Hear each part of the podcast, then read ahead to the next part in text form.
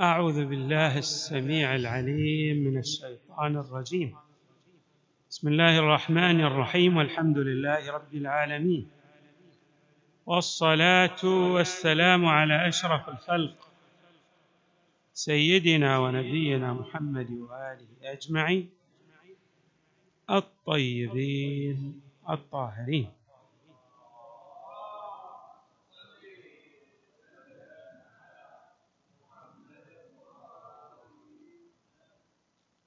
قال الله تعالى في القرآن الكريم قل لا أسألكم عليه أجرا إلا المودة في القربى صدق الله العلي العظيم. أكد المصطفى صلى الله عليه وآله مبينا وموضحا للآيات النازلة في شأن أهل البيت عليهم السلام الأهمية الفائقة للتمسك بهم والاعتصام بحبلهم والسير في مسارهم وأنهم سفينة نوح من ركبها نجا ومن تخلف عنها غرق وهوى.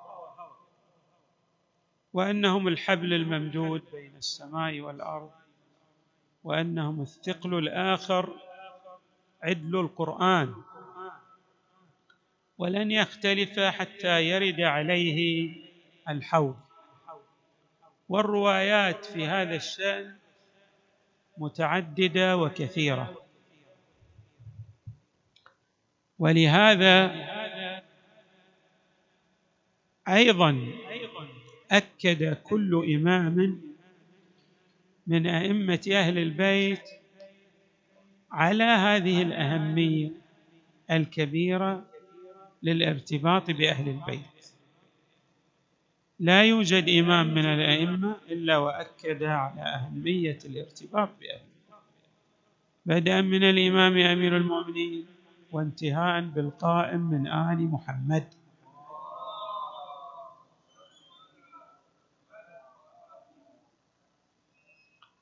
الإمام العسكري عليه السلام أيضا أكد على أهمية الارتباط بأهل البيت عليهم السلام بنحو عام وعلى الارتباط به شخصيا. أي قال للناس قال لهم يجب الارتباط بشخصي فأنا الإمام المعصوم. أنا الحبل الممدود بين السماء والأرض ومن يشكك في إمامتي فهو ضال. تنكب جادة الصواب لم يهتدي إلى الحق. نقرأ بعضا من الروايات الواردة عنه. صلوات الله وسلامه عليه في هذا الشأن. يقول عليه السلام الفقير معنا خير من الغني مع غيرنا. إنسان لا يجد المال ولكنه يديم بالولاء لأهل البيت. فذلك خير له لأن المال إنما هو عرض زائل. يستفيد منه في هذه الحياة الدنيا. وبعدئذ سيغادر هذه الدنيا إلى الآخرة ولن يبقى له إلا الولاية لأهل البيت والعمل الصالح.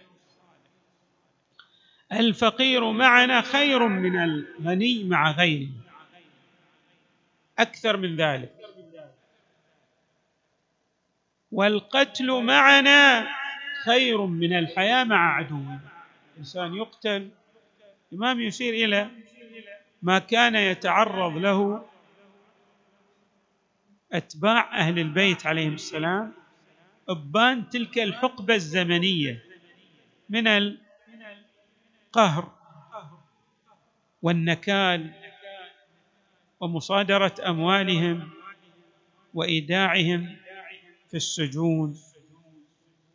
فالإمام عليه السلام يشير إلى أن كل هذا العذاب الذي يتلقاه أتباع أهل البيت عليهم السلام هو بعين الله وسيؤدي بهم إلى العاقبة الحسنة والمقام المحمود والرتب الجليلة عند الله تبارك وتعالى. والقتل معنا خير من الحياة مع عدونا ونحن كهف لمن التجأ إلينا.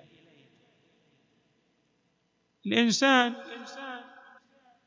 يلتجئ إلى الكهف.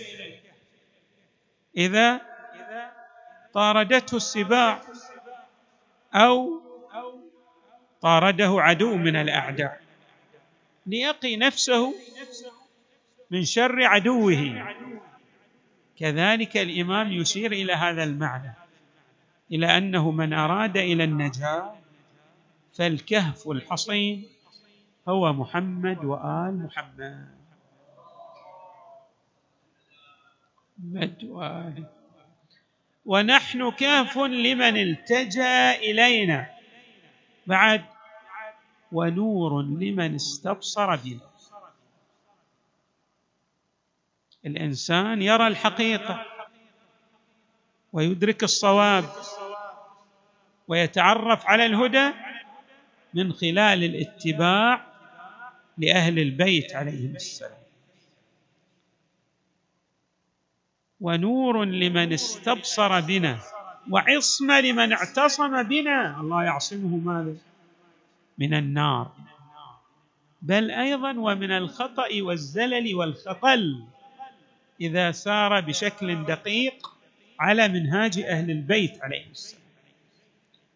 ثم أيضا الإمام يفصح عن أن الإنسان إذا كان مع أهل البيت في الدنيا فهو معهم في الآخرة وإذا كان مع عدوهم في الدنيا فهو مع عدوهم في الآخرة.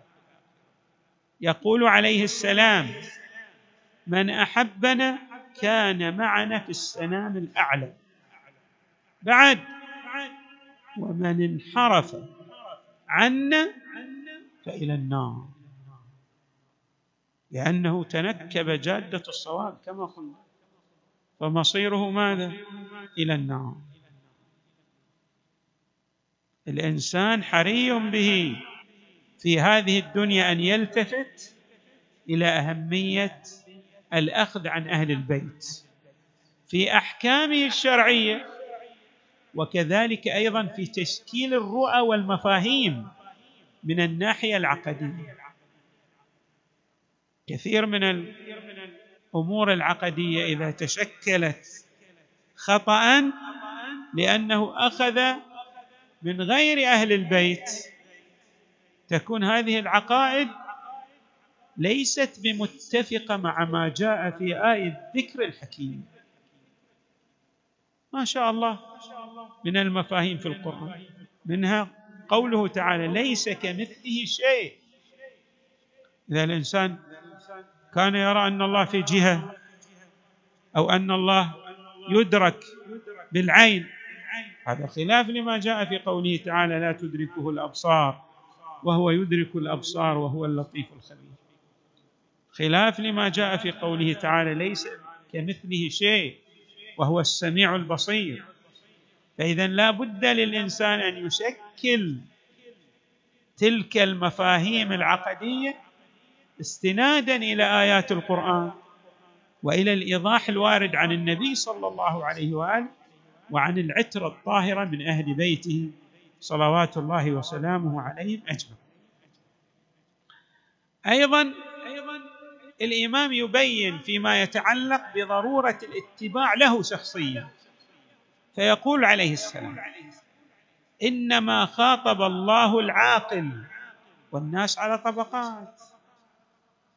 الانسان العاقل هو الحصيف في رأيه الذي يتبع الصواب ويأخذ بالتي هي أحسن. فمن يهدي إلى الحق؟ أحق أن يتبع أما لا يهدي إلا أن يهدى. فما لكم كيف تحكمون؟ انسان حري به. أن يقارن بين الأشياء. فإذا قارن بين الأشياء سيجد أن الاتباع لعلي عليه السلام. للحسنين الصادق والباقر والرضا والهادي والعسكري. هو الاتباع الحق. الذي يوصل إلى الله تبارك وتعالى. إنما خاطب الله العاقل. والناس على طبقات يعني على شتى. كل واحد ماذا؟ يسير في اتجاه. لكن أي الاتجاهات هو الاتجاه الصحيح والسليم والذي يؤدي إلى صراط العزيز الحميد إلى الصراط المستقيم الذي نسأل من الله في صلواتنا. اهدنا الصراط المستقيم. ما هو الصراط المستقيم؟ هو صراط محمد وآل محمد.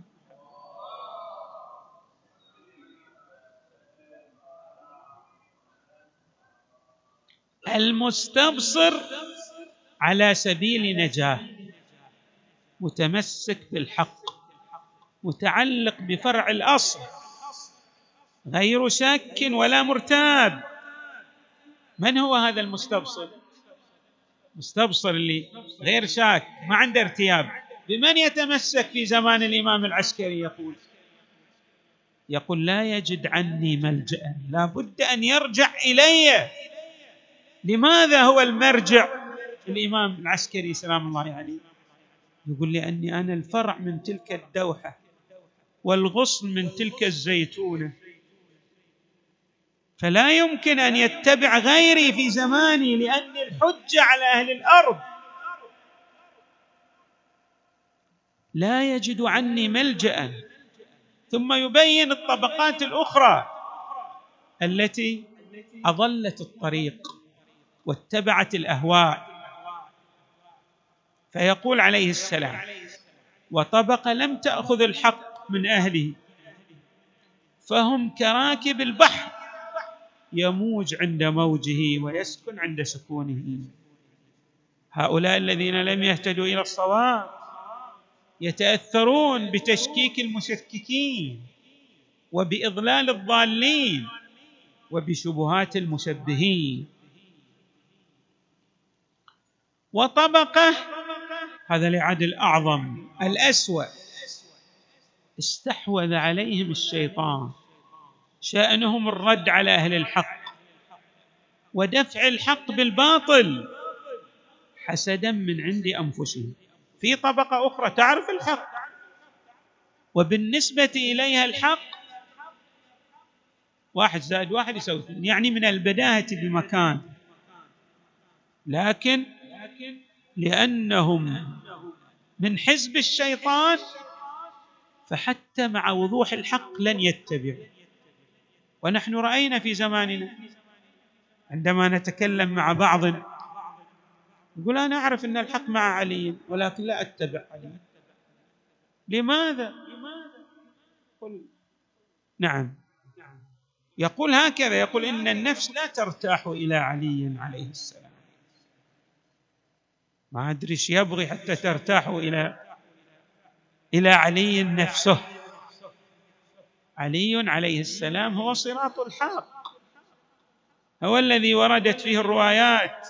علي مع الحق والحق مع علي. يدور معه حيثما دار. الإمام يشير إلى هؤلاء الذين استحوذ عليهم الشيطان فأضلهم. يقول عليه السلام وطبق استحوذ عليهم الشيطان. شأنهم الرد على أهل الحق. ودفع الحق بالباطل. ليش؟ لأنهم يحسدون الناس على ما آتاهم الله من فضل. يحسدون أهل البيت. يرون هذا التفضيل. يرون هذا التطهير الإلهي. يرون هذه الرتب العالية لهم. حسدا من عند أنفسهم. كما حسدت اليهود المصطفى صلى الله عليه وآله ثم يبلور لنا الإمام العسكري عليه السلام النتيجة. فيقول فدع من ذهب يمينا وشمالا. دع. ليش؟ لأنك إذا تركت هؤلاء أهل الضلال أهل الأهواء راح تكون مع أهل الحق.